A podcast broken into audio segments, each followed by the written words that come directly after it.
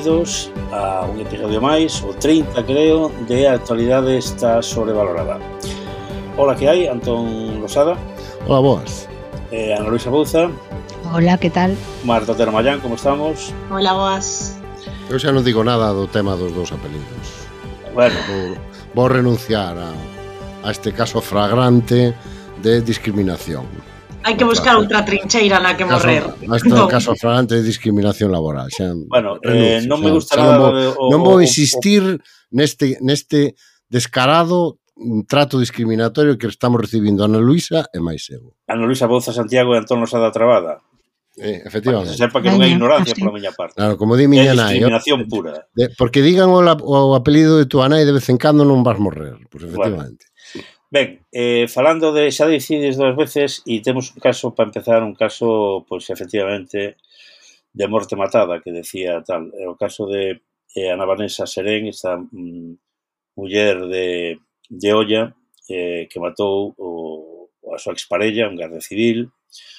Bueno, es guarda civil tamén, porque digamos eh, matouse nesa secuencia que debería ser o revés sempre nestes casos, primeiro matarse el e despois en todo caso mataba ela pero que sempre fan a secuencia equivocada.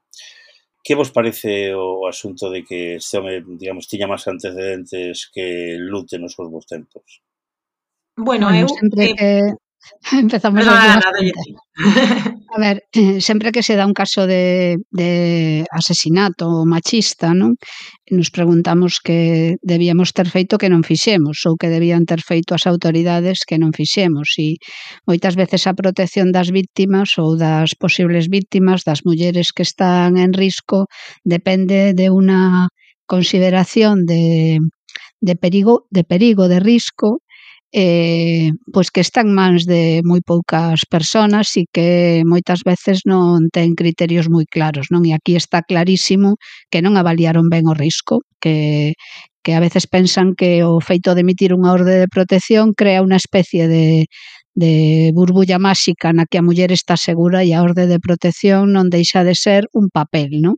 Que se o home non o cumple, pois a muller está desprotexida e aquí claramente, non? Hai outros medios nos que nos, nos queremos que as mulleres que corren o risco de ser víctimas de violencia de xénero estén protexidas e ao mesmo tempo sigan coa súa vida normal. E esas eso non é sempre doado e se falla moitas máis veces das que se debería. Eu creo que sendo positiva debería haber unha revisión de como se calcula o risco e deberíamos aprender algo eh, deste asesinato que non ten nome. E sobre todo, a min chamaronme moitísimo atención as declaracións da subdelegada do goberno que un pouco, bueno, pois ante, ante digamos queda completamente cuestionado o sistema de protección. As, as súas declaracións que eu penso que, que intentando un pouco eh, exonerar un pouco a responsabilidade nese, dese, dese fallo do sistema, dixo que a muller non estivera desamparada en ningún momento e que se efectuaran 56 intervencións neste caso, e a última moi recentemente. Como, como despois de, é que a min, bueno, claro, evidentemente a mí me falta moita información sobre como, digamos, cales son estes protocolos, pero como despois de 56 intervencións nun mesmo caso o risco é medio? Quero dicir, aquí como influe o feito de que o, de que o asasino fose ou non garda civil? Hai unha presunción, digamos, un pouco de mm, Quero dicir, como influe aquí o feito de que este home fose parte das forzas, fuerzas e cuerpos de seguridade do Estado o feito de, de evaluar o risco neste caso? Quero dicir, a mí me parecería, me parece que, que, te, que tería que ser un agravante eh, que este home, inda que tivese retiradas as, as armas, que este home forme parte dun corpo de seguridade. Entón, aquí, que, que falla cando hai 56 intervencións? A min que alguén me explique, non sei se Antón, que sabe máis de lei, é home de leis, nos pode eh, axudar un pouco con isto. Sí, a mí me chamou a atención o mismo, ¿no? eh, que además pasa bastante, porque coincidindo con, con este caso, desgraciadamente, houve outro caso en, en Euskadi, onde a muller tamén foi asesinada e creo que foi onte o Antonto, conselleiro de presidencia do goberno vasco, dixo que tiña que reconocer que tivera habido fallos de comunicación entre as diferentes administracións á hora de protexer a esta muller. Entonces, hai, digamos, unha, un patrón que se repite, que, que se producen un destos asesinatos e a emoción e os minutos de silencio e as eh, diante dos concellos e tal, tapa eh, moitas veces ou sustitúe a un debate que eu creo que hai que abrir e que é necesario, que preguntarse exactamente que fallou, asumindo que a protección 100% non existe e que fallos lamentablemente se van a producir sempre, que non hai ningún mecanismo ni ninguna medida que poda asegurar unha protección ao 100%. Pero bueno, neste ah. caso, eu creo que sinceramente hai afirmacións que eu teño escoitado que a min como a Marta Otero Mayán tamén me sorprenden. É dicir, que a delegada do goberno eh, utiliza o número de intervencións para destacar que a Vanessa estaba protexida, a min, cando menos, mm, me resulta difícil de, de entender. Porque cando unha persona necesita ser asistida polas forzas de seguridade máis de 50 veces nun período tan curto de tempo, e o risco se califica como medio, efectivamente, un ten que preguntarse cal é o criterio que se está aplicando aquí. Mais cando estamos falando dun garda civil que tivera estado de baixa por problemas personais relacionados precisamente con isto. Recordemos que eles viviron durante moito tempo na zona da Mariña de Lugo e ela tuvo que sair escapando e volver a olla. E tiña retirada a súa arma e estaba destinado a tarefas burocráticas non porque lle caera mal aos seus mandos, sino porque os seus mandos chegaron á conclusión de que ese home non estaba capacitado para ter un arma. Ni tiña o xuicio, nin a responsabilidade que hai que ter para ter un arma. Non sei, É que é puro sentido común que aquí algún tipo, é dicir, que esta muller necesitaba, que Vanessa necesitaba algún tipo de protección reforzada, insistindo, sin vender a idea de que si tivera tido un brazalete ou si tivera tido non sei que, se teria salvado, non o sabemos. Lamentablemente non o podemos asegurar. Pero que o seu grado de protección era claramente insuficiente con respecto á ameaza potencial que todas as sinais neste caso facían saltar, me parece obvio. E se a calificación era correcta dentro do actual protocolo, home, eu creo que entón é o protocolo que está mal e que necesita, e que necesita ser revisado. Revisado, claro, que vamos por ver eso, cousa. Eu, por eso o, é importante... Cero, por eso... eh, o risco cero non existe, pero eh, eh, e os protocolos pois pues son, digamos, normas que intentan que a realidade encaixe neles. De tal maneira, se alguén que fixo 50 intentos de do que fora. ou de, o que fose, No, no, de, de, de agredila, de alguma maneira. O que fose. Está claro que os 300 metros que creo que tiña de afastamento non valen para nada. O sea, ten que ser como mínimo 500 kilómetros. Entón, se si ten unha pulseira ou ten o que sea, en canto se achega a 100 kilómetros, pode servir, oiga, que viene o animal. Agora, eh, 300 metros eh, se alguén está disposto, sobre todo, a facer como el fixo, despois pegarse un tiro e tanto lle ten o que lle pase, 300 metros non valen para nada. Non valen absolutamente para nada. O que non sei encima, sendo un guardia civil, se non o podían destinar a, a Huelva, ou a Almería, ou a Castellón. Digo eu, que, eu que aparte... Que baixa, vamos, no corpo, porque, a ver, No, no, pero, que é unha pregunta precisamente... que facía antes Marta que, que é moi lexítima, ata que punto a súa condición de guarda civil ou a condición de outros casos de axentes eh, de forzas e corpos de seguridade do Estado, dos que temos coñecemento que son maltratadores ou presuntos maltratadores, ata que punto a súa... Primeiro, o feito de estar inmersos neste, nese tipo de, de delitos, como repercute na súa situación profesional, e pois, se non debería ter, digamos, un réxime disciplinario específico propio moito máis eh, reforzado e segundo, en que medida a súa condición de membros de eh, corpos de seguridade pois afecta a como se tratan estes casos. Porque sempre decimos, é moi difícil para moitas mulleres denunciar porque teñen medo. Mm. Eu non quero nin imaginar o difícil que ten que ser denunciar cando o teu un maltratador é un policía ah. ou un guardia civil. Sí, bueno, que non, non sei se eles teñen algún tipo de presunción de veracidade. Non? Non sei. Bueno, no, neste caso, casos, non, espero que non.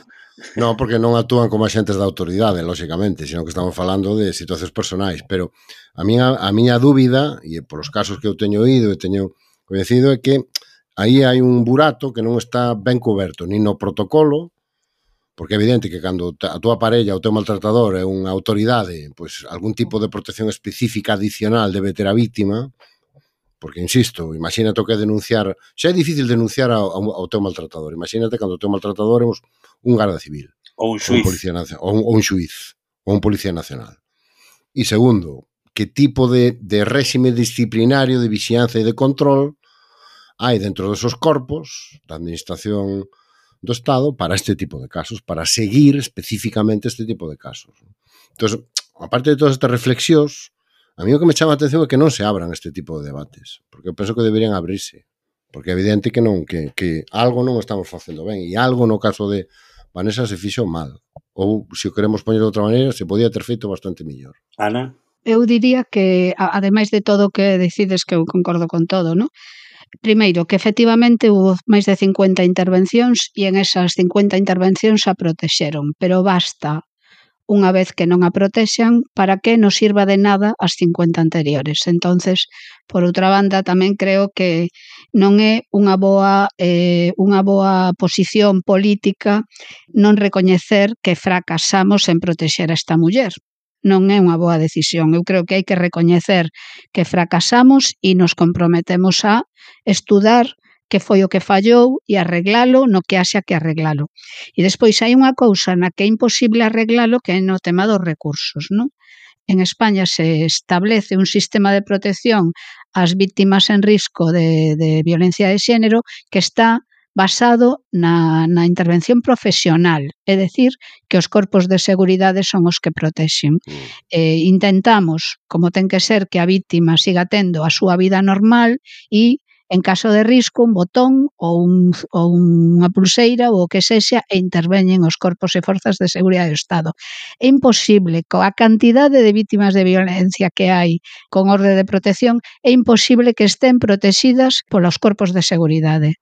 Hai que buscar alternativas e a alternativa non pode ser disminuir o cálculo do risco que corren para evitar ter forzas de seguridade metidas. Aí hai que meter algún elemento novo que o mellor non é tan profesional como o acompañamento a víctimas, mm. que estén sempre con outras personas, voluntariado e outras cousas que desde Madrid se negan insistentemente en apoiar e dende as asociacións, o movimento feminista e as asociacións de mulleres levan moitos anos reclamando. E eu creo que ese o mellor é o elemento que falta, no? o apoio cidadá, a esas mulleres en risco que decía Antón.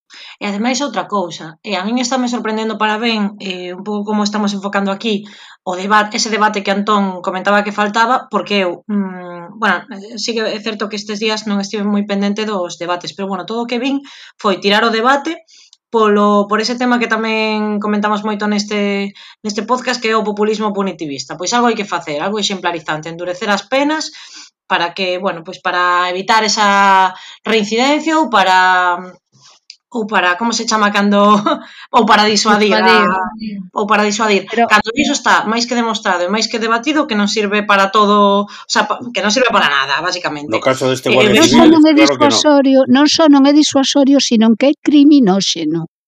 É decir claro. que o aumento das penas da violencia de xénero o único que consigue é que se recrudeza máis o fenómeno do delito da violencia de xénero. É criminóxeno, non é disuasorio. Non soluciona o problema. Levamos 20 anos con esa estrategia e está ah. claro que non está servindo, non? No, ao final o que temos é un código penal progresivamente endurecido e que non sirve para que sirve para simplemente para retirar da circulación durante un tempo a xente apartala da sociedade e se non invertimos en reinserción e non invertimos en, en anticipación digamos destes destes casos de que, de que non sirve eu non entendo sinceramente por onde que o debate se estea centrando en, en este tema verdad? Eu teño unha dúbida que, que a ver se me resolve Antón Este home eh, a parella estaba residía na Mariña de Lugo. Entendo que él estaba destinado na Mariña de Lugo Candela se foi pa moito, olla. Estuvo moito tempo destinado, despois estuvo, creo que foi detido en algunha ocasión, estuvo tamén moito tempo de baixa e agora estaba destinado a tarefas administrativas, penso que tamén na mesma zona. Ali non en olla. No, non en, en olla non. Vale, vale. No, porque digo, se o destinaron en olla, entonces xa é que no, no. dentro de ata onde eu sei, ata onde eu sei, porque na información tamén é a veces difícil de seguir, el seguía destinado en tarefas administrativas, pero non, non era exactamente na Mariña luguesa, era máis ben na Mariña asturiana. Pero non esa zona. Eu, eu digo porque unha das vantaxes que ten o feito de ser Guardia Civil é que de pronto usted está destinado, xa digo, a Castellón, É dicir, sí. por si traballas Como curas banco, antes, non? claro, efectivamente, non? Que movían de parroquia. Claro, é dicir que mm, é un pouco eso con alguén que traballa de comercial eh, non se pode facer, pero ou, ou sí, pero que decir, no caso dun guardia civil eh, sí. Eh, eu, de todas maneiras, teño que decir, eh, para non generalizar, que, digamos, teño un caso próximo de, deste de tipo e a, mm, a actuación da Guardia Civil é, digamos, exquisita, non? Pero o que sí é certo é que esta non a presunción de veracidade que decía Marta, pero está claro que algo falla un pouco eh, cando eh, digamos a porcentaxe de casos deste tipo entre forzas eh, entre membros das forzas e corpos de seguridade do Estado é máis alta, non sei se polo tema das armas ou, ou porque están afeitos a que se lles obedeza ou por qué, é máis alta de, da porcentaxe que teñen sobre a, mm. sobre a población masculina eh, normal, non? normal. Bueno, es decir, normal que no se dedica a eso, ¿no? Sí. Eh, decir normal, porque no se dedica a eso, ¿no? Bueno, falando de normal, eh, podemos eh, deixar este triste caso e ocuparnos de outros casos non menos tristes. Eh, o asunto postelectoral. Postelectoral e preelectoral. Podemos ir do local ao global ou do global ao local e empezar polo local, que é o caso de Beade. Eh, Beade... Eh, había un alcalde, isto era como un conto, ah. había unha vez un alcalde en Beade, famoso porque lle facía misas a Franco. Mm, o PP, ou polo menos eh, Manuel Baltar, considerou que non era un bo exemplo e eh, retirou unha das listas do PP. O home, claro, alcalde desde o ano 70 e pico, pois dixo, pois non me vou. Mira que tardou o Pepe en darse conta de que era un mal exemplo e un mal candidato. Eh. bueno, oye, eh, Nada, foi un período esperaba, de reflexión longo, eh? O, o mellor era un alcalde destinado a tarefas administrativas. Eh... Xa, xa, pero quero dicir, hai que, hai que recoñecer ao Pepe que, que reflexiona a fondo as súas decisións. Eh? Bueno, sí, efectivamente, sí, sí. non, non, non, non, é a tonta, non é a tonta xa no, no, no. Entón, o home, o home presentouse por, por sí mismo eh, e sacou, saliu, Entonces, eh, temos a situación en que o PP, digamos, foi a forza máis votada, pero non o suficiente, e necesita o voto deste home, bueno, deste home, ou dos eh, concelleiros que sacou o PSOE, que creo que foron dous, ou doutra lista independente que ten un nome moi propio para unha zona vitivinícola que é Vide, eh, Vide de, de, de onde, onde se ha chegado, sino de, de, a Vide. E entonces, e, e, entón, aí está. É, curioso que o PP perdeu un concelleiro.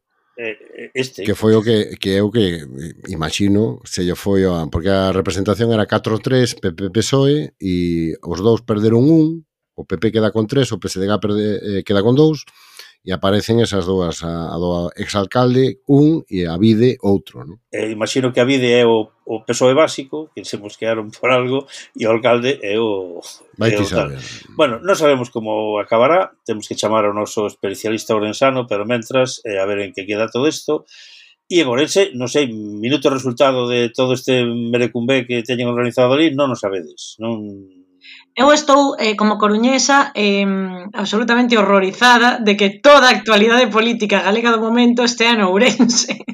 Bueno, e que, Santi, en Santiago tamén nos abrimos, vamos sacando a cabeza. Eh? Hostia, pero é que Ourense mantivo aí o interés informativo dende a pre-pre-campaña, despois a pre-campaña, a campaña e a poscampaña. E que eu estou, mira, non sabes, non sabes cando os coruñeses non nos dedican toda a atención sí. a que estamos afeitos, podemos morrer no ostracismo.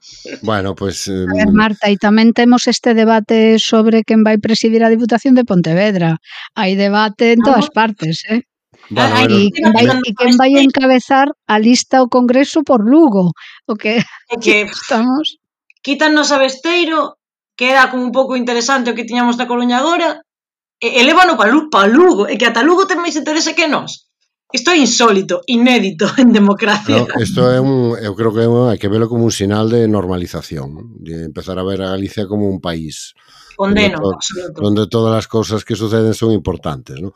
Eu no caso de Ourense, eu creo que todos falamos de que o PP ten un problema, xo tiña fai 4 anos e o resolveu pactando con Jacome.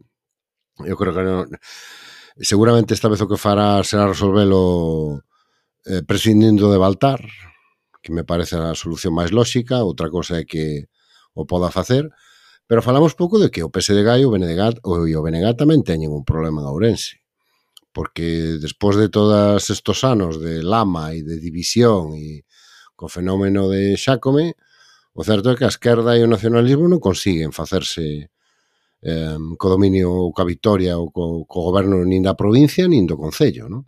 No caso do Concello, creo que o resultado de Jacome eh, é bo para ele, moi malo para os outros tres, eh, o, eh, tanto BNG como PSDG como, como por suposto PP, pero tamén no caso da provincia. Na provincia ahora mismo creo que tanto BNG como o PSDG teñen un dilema que non ten fácil solución, que con que impactar. Sí, sí deixar que se amañen ou se destrocen entre eles eh, xa como o PP ou propiciar un cambio, entre comillas, en Orense apoiándose en Jacome. E non é unha non é non ten unha solución fácil, eh?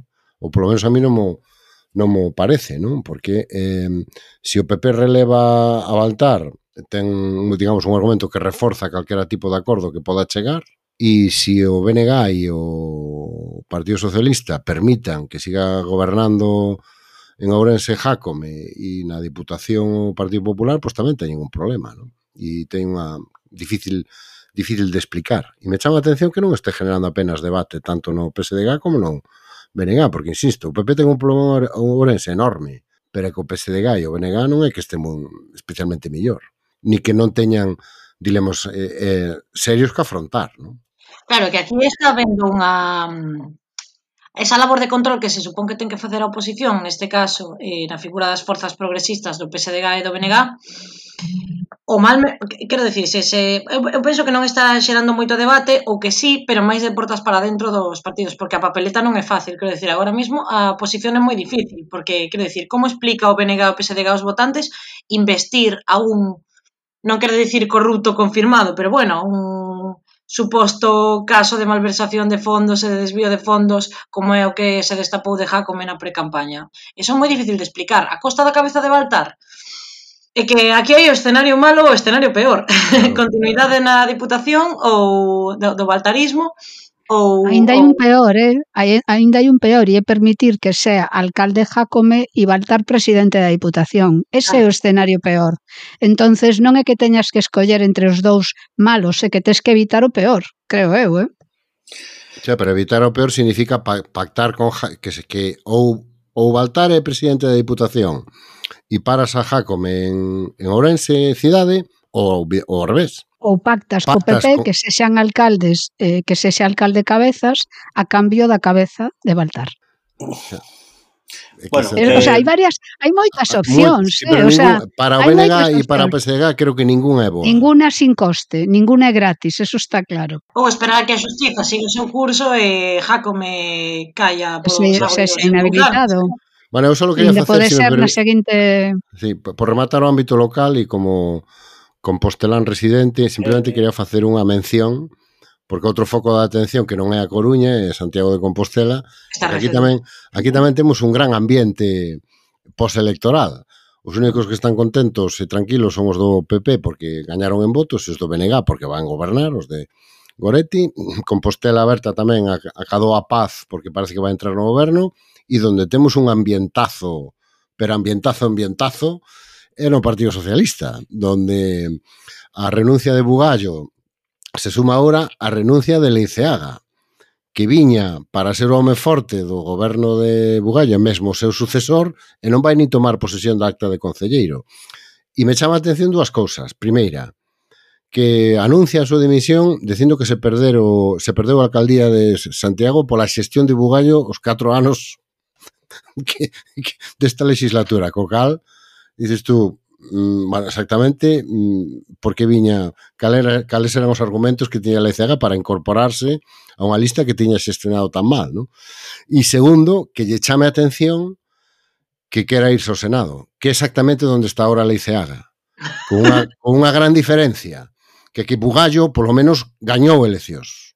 Leiceaga que se saiba está no Senado a base de facer o que sempre fixo ao longo da toda a súa carreira política, que é pegar puñaladas, como a que lle acaba de soltar o propio Bugallo e clamando por unha renovación que se ten producir nun grupo socialista que está partido directamente pola mitad.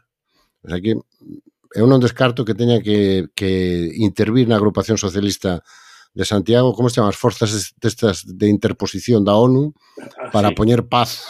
Profor. Aquí chamas de outra maneira, bueno, pero, pero eu Xa para, para rematar un último detalle, de, permitídeme, do próximo presidente barra A da Diputación de Pontevedra. Eso es. eh, o que parece que o candidato de Rueda, o seu amigo Luis López, que foi alcalde de Rodeiro e que agora era delegado da Xunta en Pontevedra, bueno, pois este señor, que parece que é o candidato, como digo, de Rueda, eh, para ser eh, presidente da Diputación hai que ser diputado provincial e para eso hai que ser concelleiro. E el en este momento non é concelleiro. Por ah, Vaya. que? Porque foi na lista de Rodeiro, o seu povo, como último suplente, número 21. O PP sacou cinco. Para que el sexa concelleiro, ten que renunciar un dos que saíron e non tomar posesión 16, creo que son, os ah, 16 mira. seguintes. Pero un dos que sí saiu e pode renunciar é o seu irmão O sea, esto, esto non me digades Mira, que non é un guión sí, desas, de sucesión. Que política ficción tendo de, Galicia. Esto Isto sí que é Succession, e non a serie esta de HBO. Isto sí que é. Succession. Eu antes de que cambiamos de tema, Aí baile en todas partes aquí, sí, eh? Sí. Eu quería, eu quería dicir unha política lo, a la política local é que é o que ten, que é moi variada. Sí. Entendes? Podes coller de onde queiras. Eu antes de que cambiamos de tercio quería mandarlle mm, unha advertencia a Goretti San Martín, unha advertencia do cariño que tamén o dixen a semana pasada no podcast de Carretando. Eh, Goretti que chame a Xulio Ferreiro, porque seguro que lle ten algún consello que dar sobre como é, como leva o PSOE que lle usurpen o espazo eh, como, eh, digamos, primeira forza de esquerda nunha cidade na que, na que adoitan gobernar.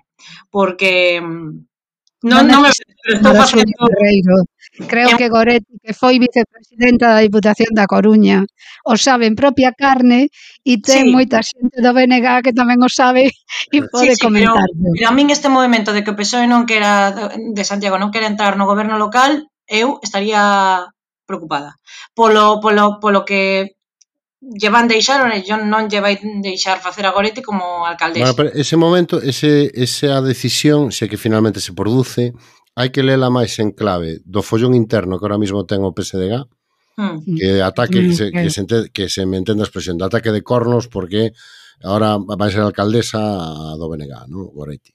Eu creo que hmm. responde máis aquí, en este momento, realmente a agrupación socialista en Santiago é un follón enorme e un lío enorme e que ninguén ten moi claro como se vai a resolver. Mira, e, e, no, e Mercedes Rosón, en que, en que parte está do follón? É curiosidade. Porque en bueno, principio bueno, era, Mercedes... era, era, digamos, a outra parte, de, a parte principio... de, de Bugallo. De Gonzalo, non? Era gonzalista. En principio era a, a sucesora, Impectore, de Bugallo. Pero non Entonces, había un certo acordo en que ela debería ser alcaldesa na mitade do mandato anterior, que Bugallo Ese chegaba para salvalos, pero que a mitade do, do mandato marchaba e quedaba Mercedes, non? O sea que está aí, en este caso é a que negocia e a cabeza do grupo municipal. Pero me ah. dá a sensación de que Leiceaga hai ese mensaxe de ah, hai que renovarse. A mí esta xente que leva 30 anos en política e fala de renovación é que sempre fixo moita gracia. Creo que, creo que vai claramente dirixido a Mercedes Rosón. Eh, la, esa é, la, la, esa é, la digamos, renovación se, se a división que hai, a que hai ahora mismo. ¿no? Sempre fala o porco máis cheo. Eh. Con perdón para os porcos. Ben, eh, Pero esta parte cortada, ¿no? Eh. eh, ben, e vamos xa, digamos, a que pasa en España.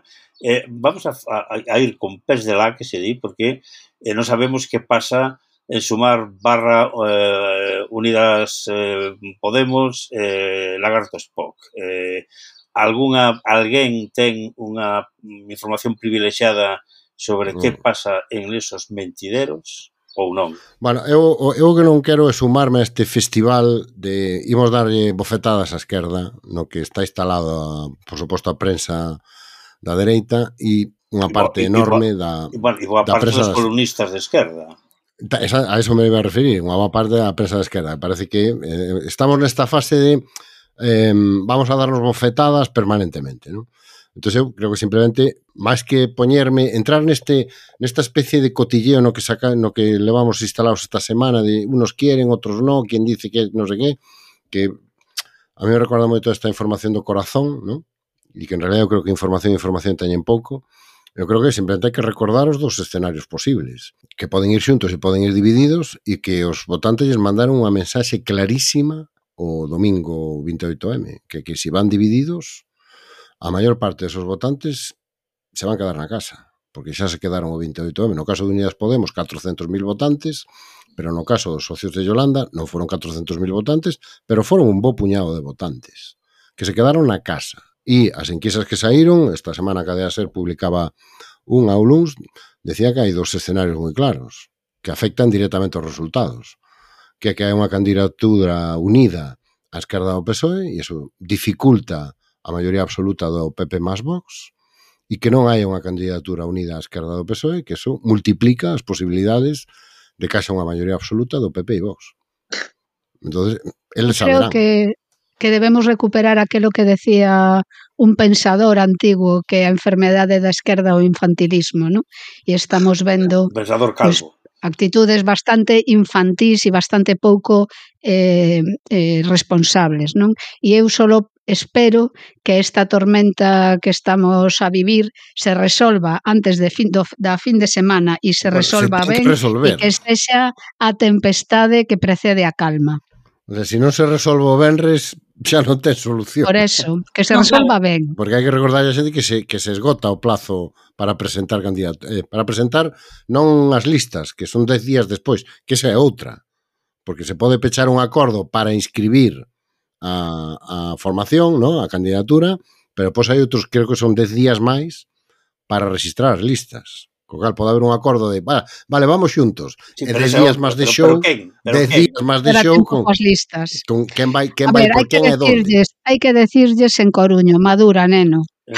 Eu aquí teño dúas, dúas inquedanzas. Unha, un pouco a, a a falta de legitimidade que está gañando ou, ou, ou perdendo este todo este espazo que ao final naceu para confrontar, naceu do descontento, para confrontar un, un goberno de dereitas que parece que aquí hai movimentos internos eh, que están priorizando salvar ese espazo que non ten demasiado sentido nun goberno de esquerdas, nun, nun escenario de goberno de esquerdas, e, e, bueno, o que están demostrando é que ten máis sentido que nunca na confrontación, e que penso que todos estes movimentos de desestabilizar, de negociar, de sillóns, de tal, van encaminhados a salvar un espazo que é brillante na confrontación, pero que non está non termina de estar cómodo. Cando hai que sumar e cando hai que gobernar e cando hai que facer política constructiva eh, vamos, é totalmente política de terra queimada, é mío que me está, digamos, entendo a desafección das esquerdas, mmm, polos seus representantes entendo que a xente se estea quedando na casa ante un escenario no que parece que importa pois eso, salvar o espazo, salvar os números nas listas e que se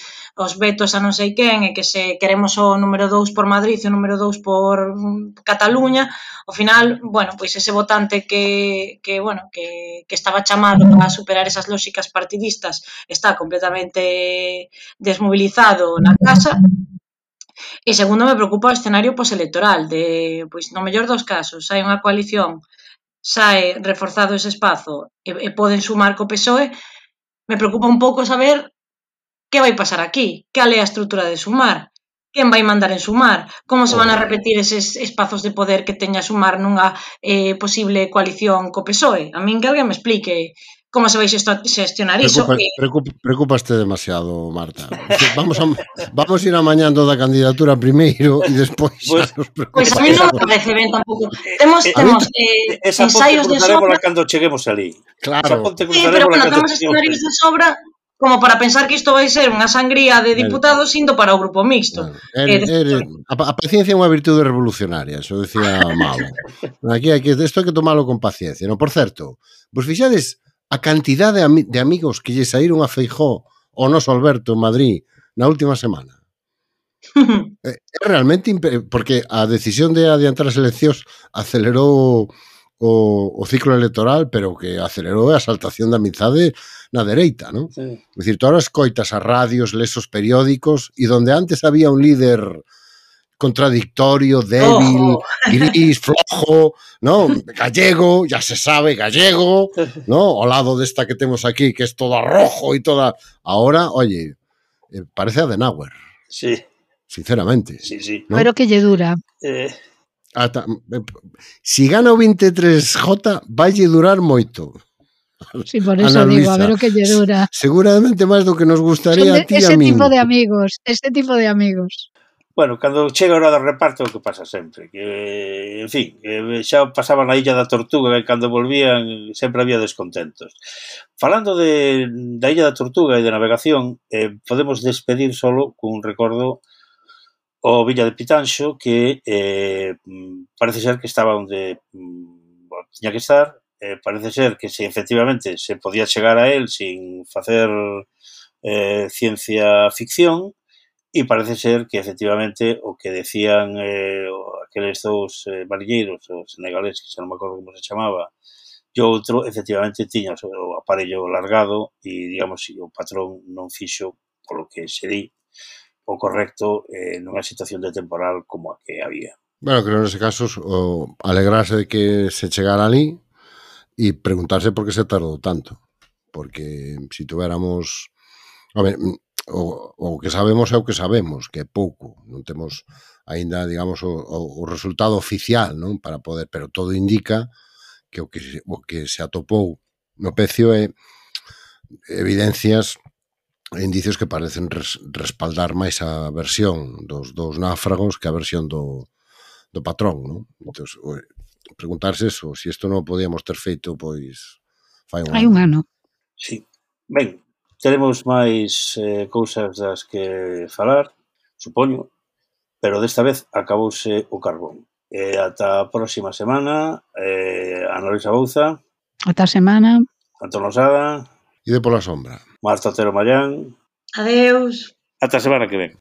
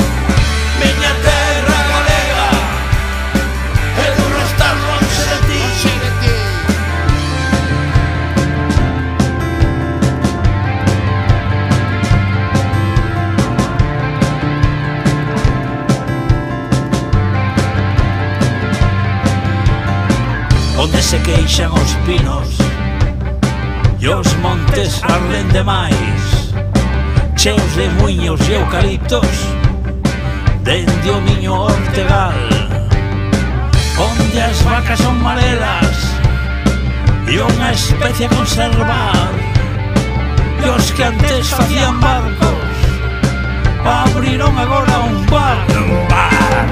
Miña terra galega Onde o ceo sempre vive.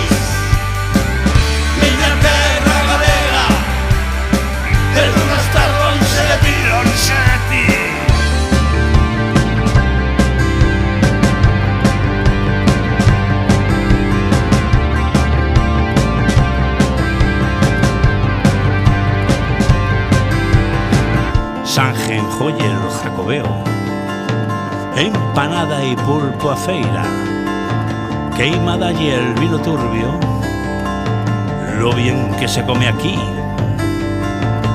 O viñasito miñanco, foncellas e curuxás, a resistencia galega e o pazo de Meirás.